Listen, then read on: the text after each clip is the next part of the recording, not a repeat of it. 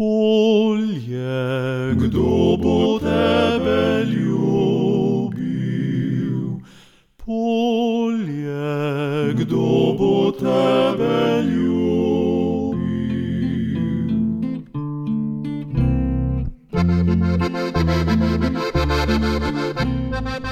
Spoštovane poslušalke in spoštovani poslušalci, lepo pozdravljeni. Teden, ki je za nami, so spet zaznamovali kmečki protesti. Dogajanje je najbolj zaostreno v Franciji, napete razmere, potem ko se mnoge francoske kmetije soočajo z upadom dohodkov in se zaradi vse večjih okoljskih zahtev za kmetovanje čutijo pritisnjene ob zid, in tudi francoski temperament pa daje ta protestom še posebej dramatično noto. Ta dokaj grob protestni način je minuli teden pljusknil tudi v Bruselj, kjer je bilo uradništvo Evropske unije priča protestom z žiganjem balslame, prišlo pa je tudi do manjših spopadov s policijo. Če opozorila evropskih kmetov damo na skupni imenovalec, lahko rečemo, da opozarjajo oziroma zahtevajo rešitve za neustrezen način, s katerim skupna kmetijska politika na plečih kmetov dejanja tako imenovane okoljske ukrepe, ki so veliko krat nepremišljeni in zato brez pravega učinka, za samo kmetijsko pridelavo pa pomenijo veliko obremenitev in stroške. Kot najbolj pereče na tem področju izpostavlja zahtevo, da mora kmetija 4 odstotke njiv vsako leto pustiti neobdelanih. Kmetje svarijo pred posledicami nenadzorovanega uvoza žita in poceni živili iz Ukrajine, še posebej pred poplavo perutninskega mesa. In kmetje opozarjajo na grozeče posledice trgovinskega sporazuma Mercosur in drugih podobnih sporazumov, ki omogočajo, da se na evropskem trgu znajdejo živila, ki so bila pridelana pod bistveno nižjimi standardi, kot so zahtevani v sami Evropski uniji. Evropska komisija je tako že pred četrtkovim vrhom napovedala uvedbo dveh varnostnih mehanizmov. Prvi naj bi veljal za vse proizvode, za katere velja odprava carin in bi omogočil hitro ukrepanje, če bi se pokazal negativni vpliv na trg ene ali več držav članic. Pri tem je mišljena predvsem trgovina žiti.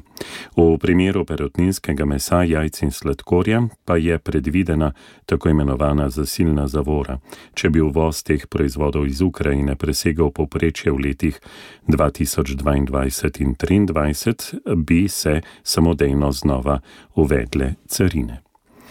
Glede spornih okoljskih zahtev, po katerih morajo kmetije z več kot desetimi hektari njiv, štiri odstotke leteh vsako leto postiti neobdelanih, pa je komisarka skupaj s sodelavci predstavila možnost sprememb.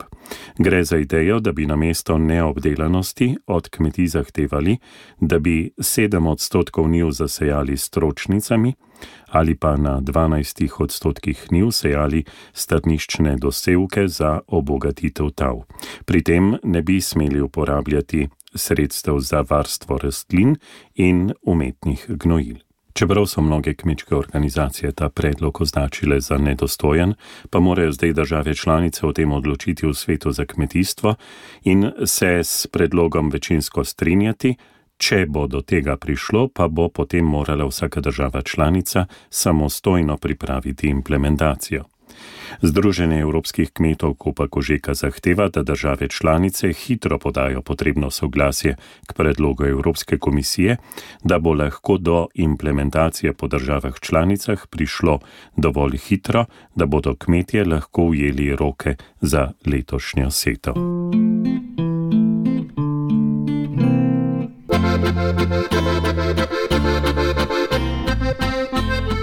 Dobra domača hrana je delo pridnih rok.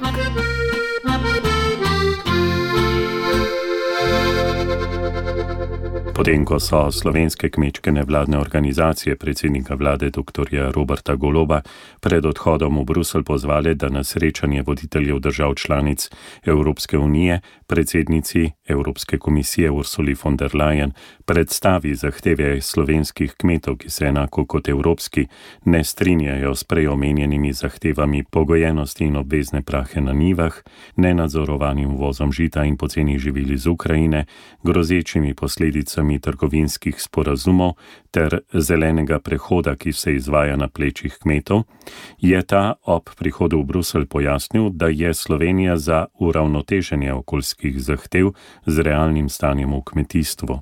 To smo ne nazadnje že počeli na nacionalnem nivoju in verjamem, da bo to sledilo tudi na evropskem, je bil prepričan premije Golob. Prav tako se po njegovih besedah Slovenija zauzema za to, da morajo pri uvozu hrane iz tretjih držav veljati enake okoljske zahteve kot v sami Evropski uniji.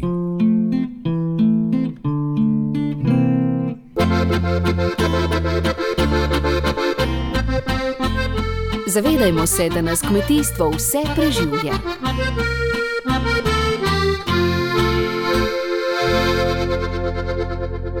A nekatere neformalne skupine slovenskih kmetov opozarjajo, da je v sredo predstavljeni predlog Evropske komisije premalo in je ta s samim odnosom do kmetijstva tudi na nek način žaljiva.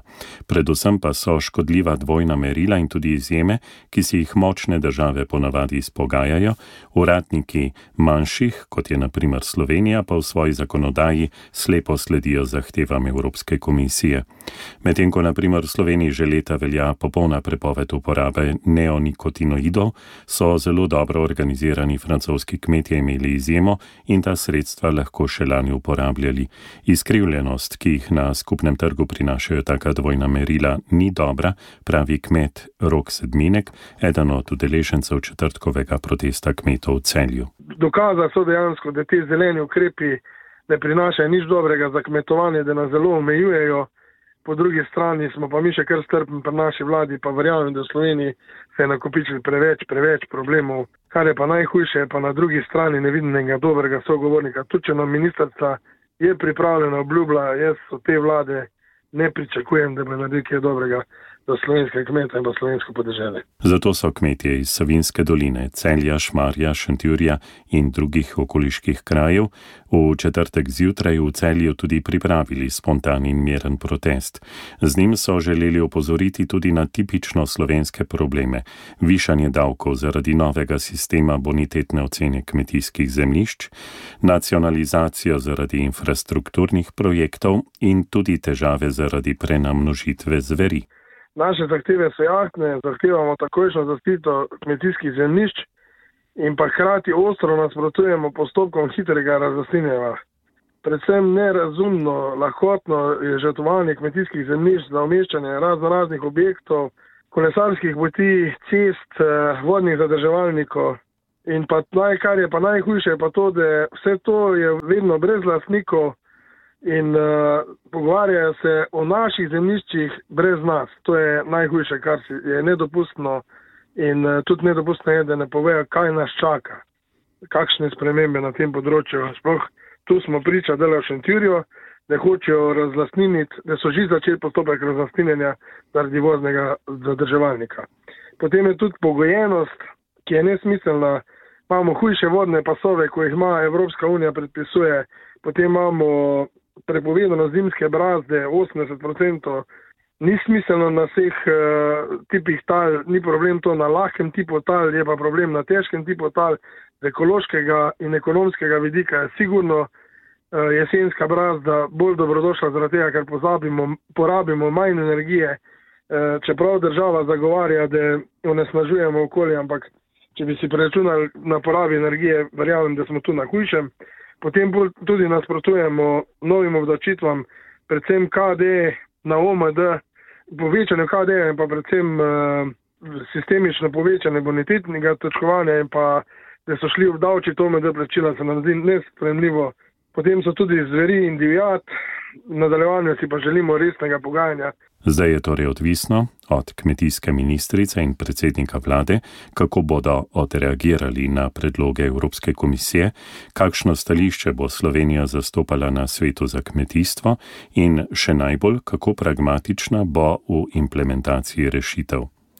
Vsekakor svetujem, da se bo na tem področju zgledovala po francoskem pristopu, ki bo, vsaj tako zdaj kaže, precej po svoje implementiral skupne evropske usmeritve.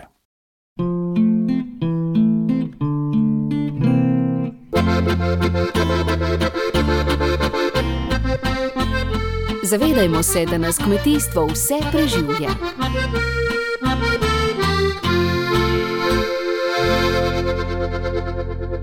Dogajanje, ki smo ga lahko minule dni videli ob protestu kmetov v Bruslju, je bilo na trenutke tudi strašljivo. Eh, kot so mnogi opozarjali, so nepremišljeni ukrepi in zahteve skupne kmetijske politike mnoge kmetije prisilile obziti in ne vidijo izhoda. Da ta dejstva in tudi težave niso od včeraj, ampak se vlečejo že dolge mesece in da kmetije v tem niso slišani, so komisarko minuli teden opozorili tudi predstavniki Združenja kmetov in kmetijskih zadrug Kopa Kožeka.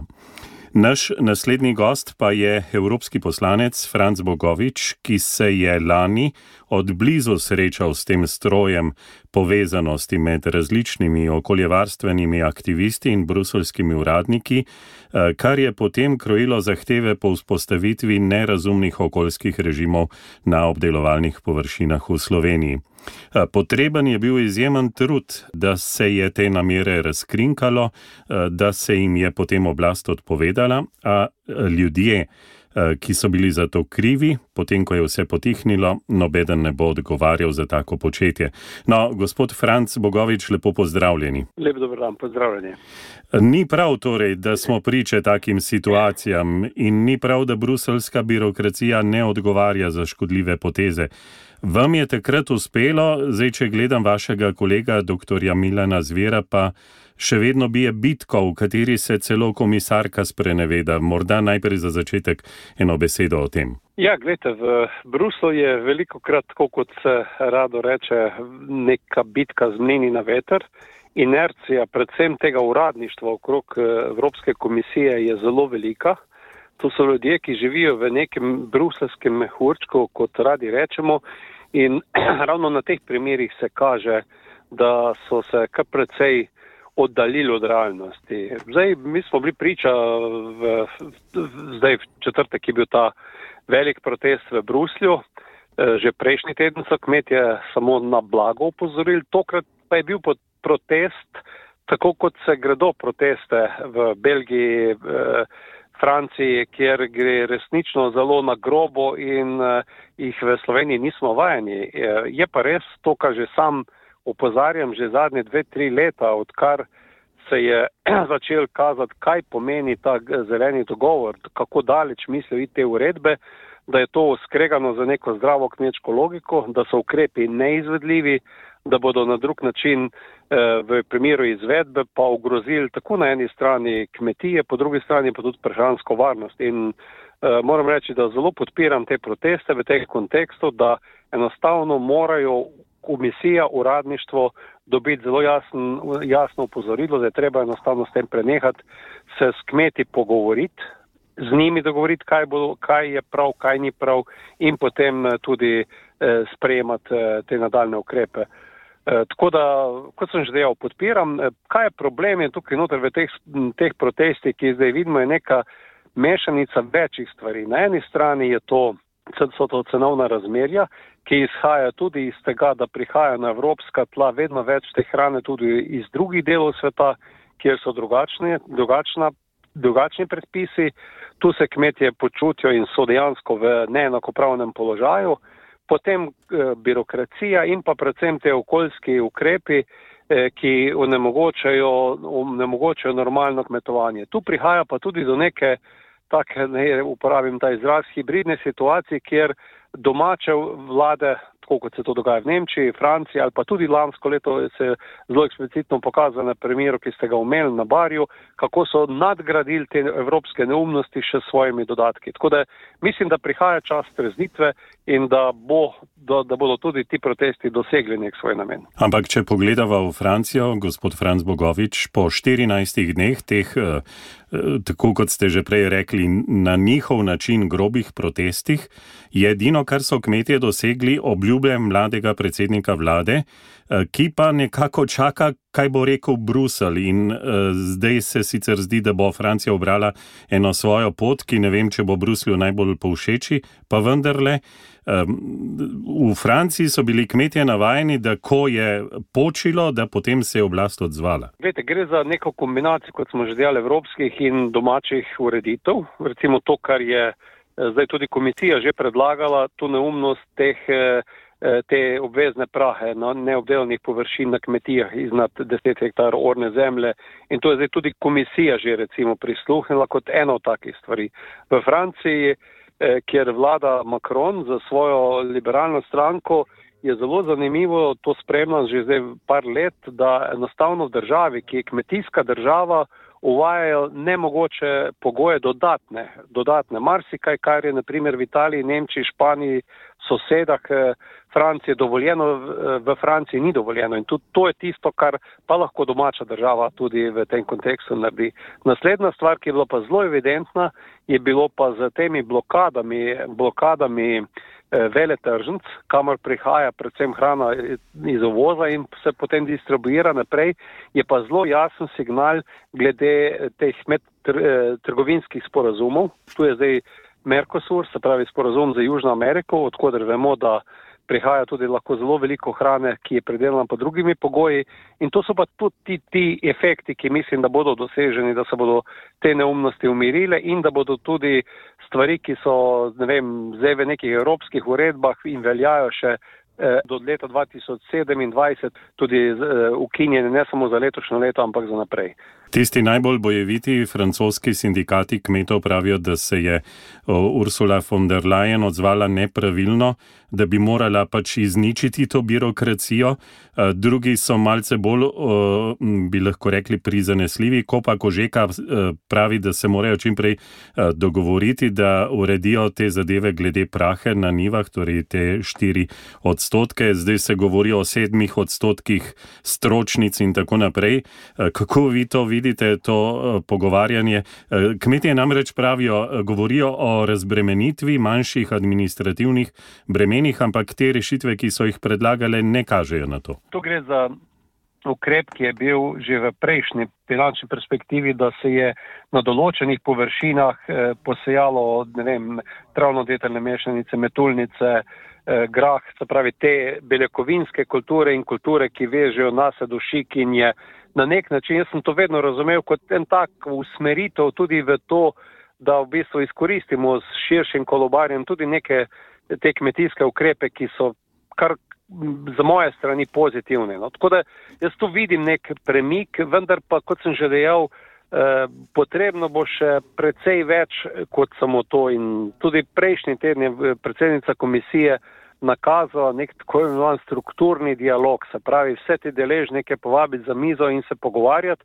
Jaz sem na poslanski skupini Evropske ljudske stranke komentiral to na takšen način, da sem dejal, da me to početje, da zdaj komi, ko predsednica komisije, ko je prej že zakuhala njena komisija kup neumnosti, sklicuje na nek pogovor, da me spominja na nek, kot da v neki vasi gori hiša in nekdo povabi eh, vaški svet za ustanovitev Eh, ustanovitev gasilskega društva, namesto da bi šel gasiti eh, požar. Treba je iti k ljudem, se z njimi pogovoriti in za njimi, za njimi, za njimi tudi, tudi, tudi potem dosež dogovor. In tu prisluhn kmetom. So pre, kmetje so predvsem zdaj enostavno potisnjeni v neko pozicijo, da jim kdo ima pet minut časa dopoveduje, kako je vse narobe, kaj počnejo. In tega imajo enostavno dovolj in zaradi tega in pa zaradi teh napovedi po ne vem zmanjšanju denarja za kmetijstvo v prihodnje so se upravičeno zbali za svojo prihodnost, za prihodnost svojih družin. Posledično pa se moramo vsi evropejci pa bati za prehransko varnost. Ja, tudi Kopa Kožeka opozarja v tej smeri, pravzaprav pravi, da ni prav, da se kmetom ne zaupa, ampak se jih administrativno nadzira. Eh, eh, prav v vseh teh državah pa je prisotna še ena bojazen, gre za bolj levo usmerjene vlade, bi lahko rekli, ki se zdaj bojijo, kaj se bo zgodilo na volitvah v prihodnjem, eh, na prihodnih volitvah za Evropski parlament. V Nemčiji si celo leve stranke, ki izgubljajo voljivce, prizadevajo na vse načine, da bi kmečke proteste povezale s krajno desnico in predtem svarijo široko javnost. Kako vi to komentirate, kako to vidite, gospod Franz Bogovič? Najprej, najprej morajo mm, sredinske vlade počistiti pred svojim pragom. Raz, eh, razmah populističnih strank, ki včasih resnično imajo tudi kakšne precej čudne ideje je možen takrat, ko stranke, ki so na oblasti, ne upravljajo svojega dela dobro. In to se nam je zgodilo s to komisijo, pa če hočete tudi za nemško vlado. Pri teh strankah, desno-sredinske, neka grožnja, za me je predvsej nespremljivo, ne vem, eh, zganjanje nekega euroskepticizma do te mere, da bomo eh, eh, razbili Evropsko unijo, kar mislim, da bilo zelo škodljivo za prav vse ne sprejmem niti tega, da bi pri, vem, pri odnosu do ljudi, ki so deset let nazaj, dvajset let nazaj prišli v Nemčijo, pa da bi zdaj kdo začel preganjati iz te države. Strinjam se z ostrejšo migrantsko politiko, mislim, da bi morali več govoriti o družinski politiki, o teh stvareh. In tu se mi zdi, da je včasih kar ta desna, de, neka desna, skrajno desna stranka, da je ta termin kar precej izrabljen in tudi na nek način uh, se plaši ljudi. Če bi pa recimo uh, AFD z temi skrajnimi idejami, ki jih ima od odcepitve do izstopa iz Evropske unije, izgonu ljudi, pa mislim, da se lahko tudi čudne stvari zgodijo. Tako da upam, da bojo sredinske vlade, verjamem, da bo naslednji parlament, tudi Evropski parlament, bolj desno, desno smerjen, kot je zdajšnji, imele več modrosti in uh, prišle pred ljudi z normalnimi ukrepi, v katerem bodo ljudje verjeli in pa tudi videli nek smisel, ne pa da se zganja to zeleno ideologijo do nemoglosti. Gospod Franz Bogovič, prihodnje dni je na vrsti februarsko zasedanje Evropskega parlamenta. Uh, napovedana je razprava o opolnomočenju kmetov in podeželskih skupnosti, pa razprava in glasovanje o stališču glede novih polščin. Eh, ki bi jih pridobivali z novimi genomskimi tehnikami. Eh, kratek pogled na ta dva izziva. Kar se razprave o stanju kmetijstva sva povedala in se iz tega, kar so do zdaj govorila, vidi moje stališče in se bom vsekakor poskušal vključiti to debato in povedati na glas tam, kjer kot evropski poslanec to lahko storim.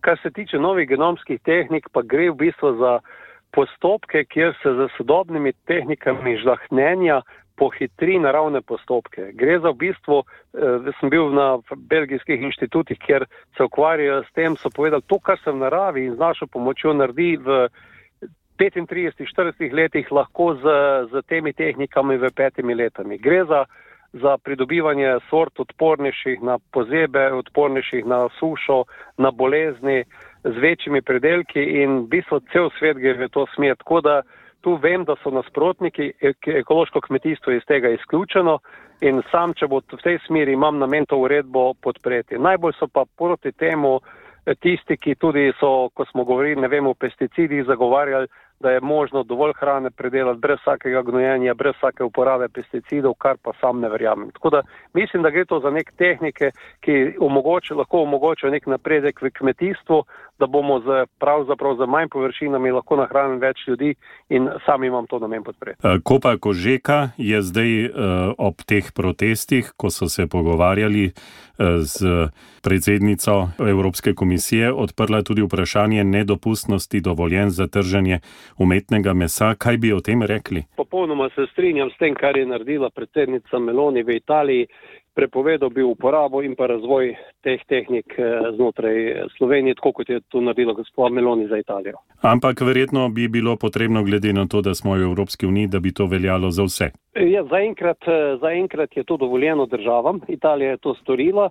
Znotraj Evropske unije tudi do, na tem področju bolj liberalen odnos in sam sem proti temu in mislim, da bi zopet nekaj multinacionalk, ki bi te patente razvile, enostavno poskušali zavzeti trg in usvojiti in na nek način tudi izriniti tradicionalno kmetijstvo, kar in samo ocenjujem, da to eh, za, za me je to, ta zadeva nespremljiva in nikako ne podpiram eh, tega razvoja umetnega mesa. Gospod Franc Bogovič, hvala lepa za pogovor in vse dobro ob vašem minulem prazniku. Božjega blagoslova in zdravja. Najlepša hvala tudi vam.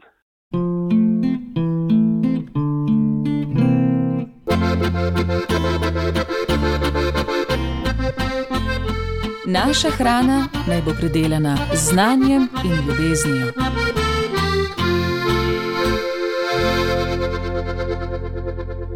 Spoštovane poslušalke in spoštovani poslušalci, predvsem vsi tisti, ki se ukvarjate s pridelavo zelenjave, v torek se obeta zelo zanimivo srečanje, ki je pravzaprav dosegljivo vsem, saj bo potekalo prek interneta, prek aplikacije Zoom.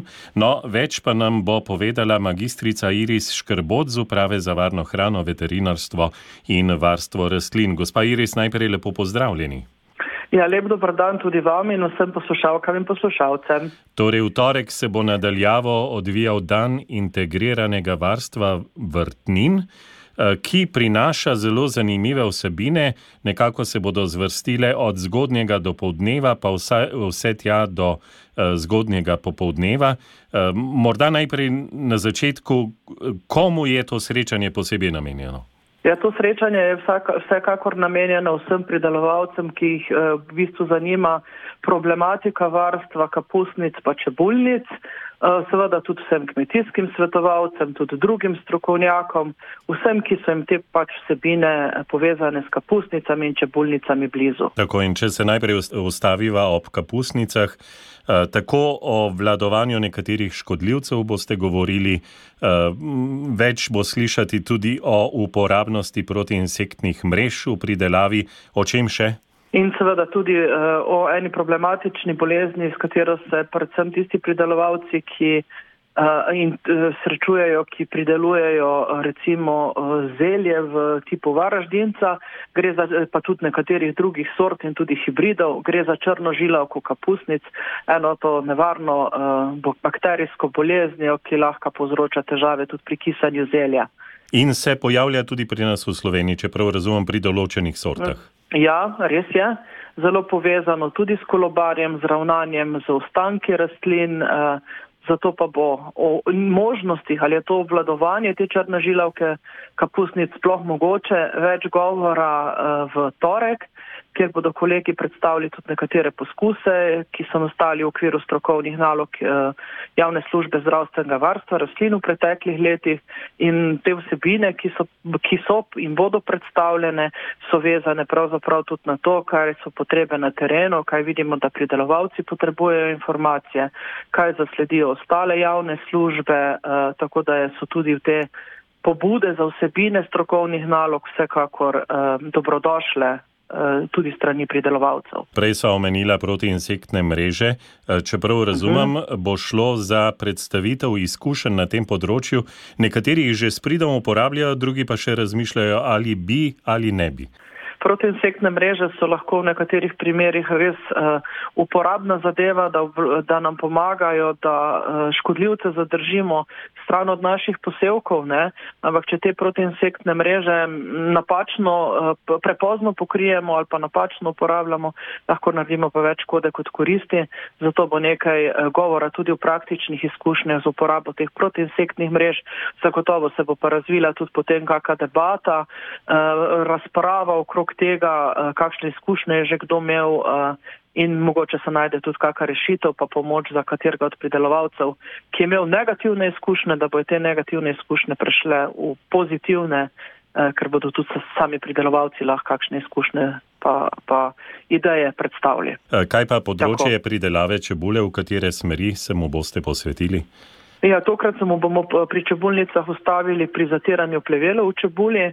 Predstavljeni bodo nekateri poskusi, ki so v okviru teh strokovnih nalog javne službe zdravstvenega varstva nastali in so se izvajali tudi, bom rekla, po Sloveniji na, eh, na treh inštitucijah pravzaprav zadnja leta. Eh, potem bodo predstavljena tudi en eh, škodljivec, ena tulipanova pršica s katero se verjetno mnogi pridelovalci in česna in čebule srečujejo, pa niti uh, ne vemo, da imamo pravka z pršico, zato ker je tako drobna, da jo s prostim očesom ne opazimo, pogosto opazimo pa poškodbe same. Tako da bo uh, tokrat pri čebulnicah vsebine šle v to smer. Torej, zelo aktualne vsebine v torkovem dopodnevu. Kako naj ljudje pridejo do tega? Eh, vabilo sem videl, je objavljeno na portalu integriranega varstva rastlin, eh, pravite mu IVR portal. Uh, tukaj je vabilo objavljeno, objavljeno je tudi pri, uh, na spletnih straneh sodelujočih inštitucij, se pravi Kmetijskega inštituta Slovenije, Inštituta za hmeljarstvo in pivovarstvo Slovenije, potem pa treh kmetijsko-gozdarskih zavodov uh, Novo mesto, Nova Gorica in Maribor. To so ti zavodi, ki imajo oddelke za varstvo rastlin. Če pa bo kdo od pridelovalcev želel se priključiti, pa vabila že ni od svojega kmetijskega svetovalca pri, uh, dobil, se lahko obrne pa tudi na svojega sveti, kmetijskega svetovalca ali pa na specialiste za zelenjadarstvo slovenske, ki pravzaprav to vabilo tudi imajo. Tako verjetno. Še toliko, da je bolj mogo, eh, še zadeva aktualna. Na koncu bo še govora o tem IVR portalu, kot mu rečemo, bo predstavitev, kaj je novega na njem, kaj je posodobljene vsebine, kaj vse najdejo ljudje lahko gor.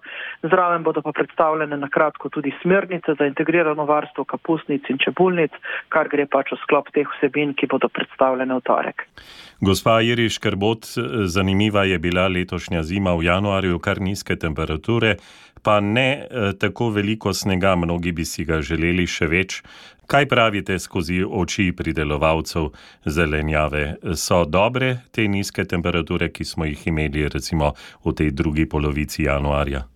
Vsekakor je dobro, da imamo zdaj v tem času nizke temperature. Jaz bi si želela, da bi mogoče še kakšen teden dlje ali pa 14 dni trajale, um, zato ker vemo, da zima je včasih le upravila svoje. Uh, bolj se bojim, da ene take čisto, čisto prave zime, pa kot smo v preteklosti poznali, ne bomo dočakali le v, v tem začetku letošnjega leta in da bomo sezono prehitro začeli, pa bo potem malce mraza še zadaj prišlo, pa bomo imeli težave. No, bomo videli, kako se bo obrnilo. Hvala lepa in dobro izvedbo v torek. Hvala lepa za dobre želje in vsi lepo povabljeni, ki vas te vsebine zanimajo, da se nam pridružite uh, in sodelujete v bistvu pri teh uh, predstavitvah in tudi potem v razpravi.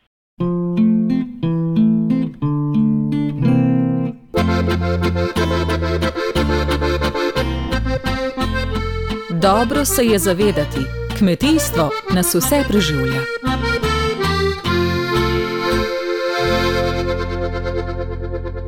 Pa smo pri koncu. Pred nami je nov teden, vsako jutro ob devetih vas vabim, da prisluhnete minutam za kmetijstvo in podeželje, v katerih poskušamo biti čim bolj aktualni. Tematiko najlažje spremljate s pomočjo podcasta te rubrike. Prav tako bi vas rad, spoštovane poslušalke in spoštovani poslušalci, opozoril na oddajo Zadružno iz Slovenije, v kateri bomo v torek ob 11 in 15 minut vzeli pod drobno gled dogajanje na zadružnem področju in slišali nekaj zanimivih dejstev o kmetijski zadrugi Agrarija Koper. Miha Močnik in Robert Božič, ki sva bila z vami, se poslavljava in vam želiva lepo nedeljo.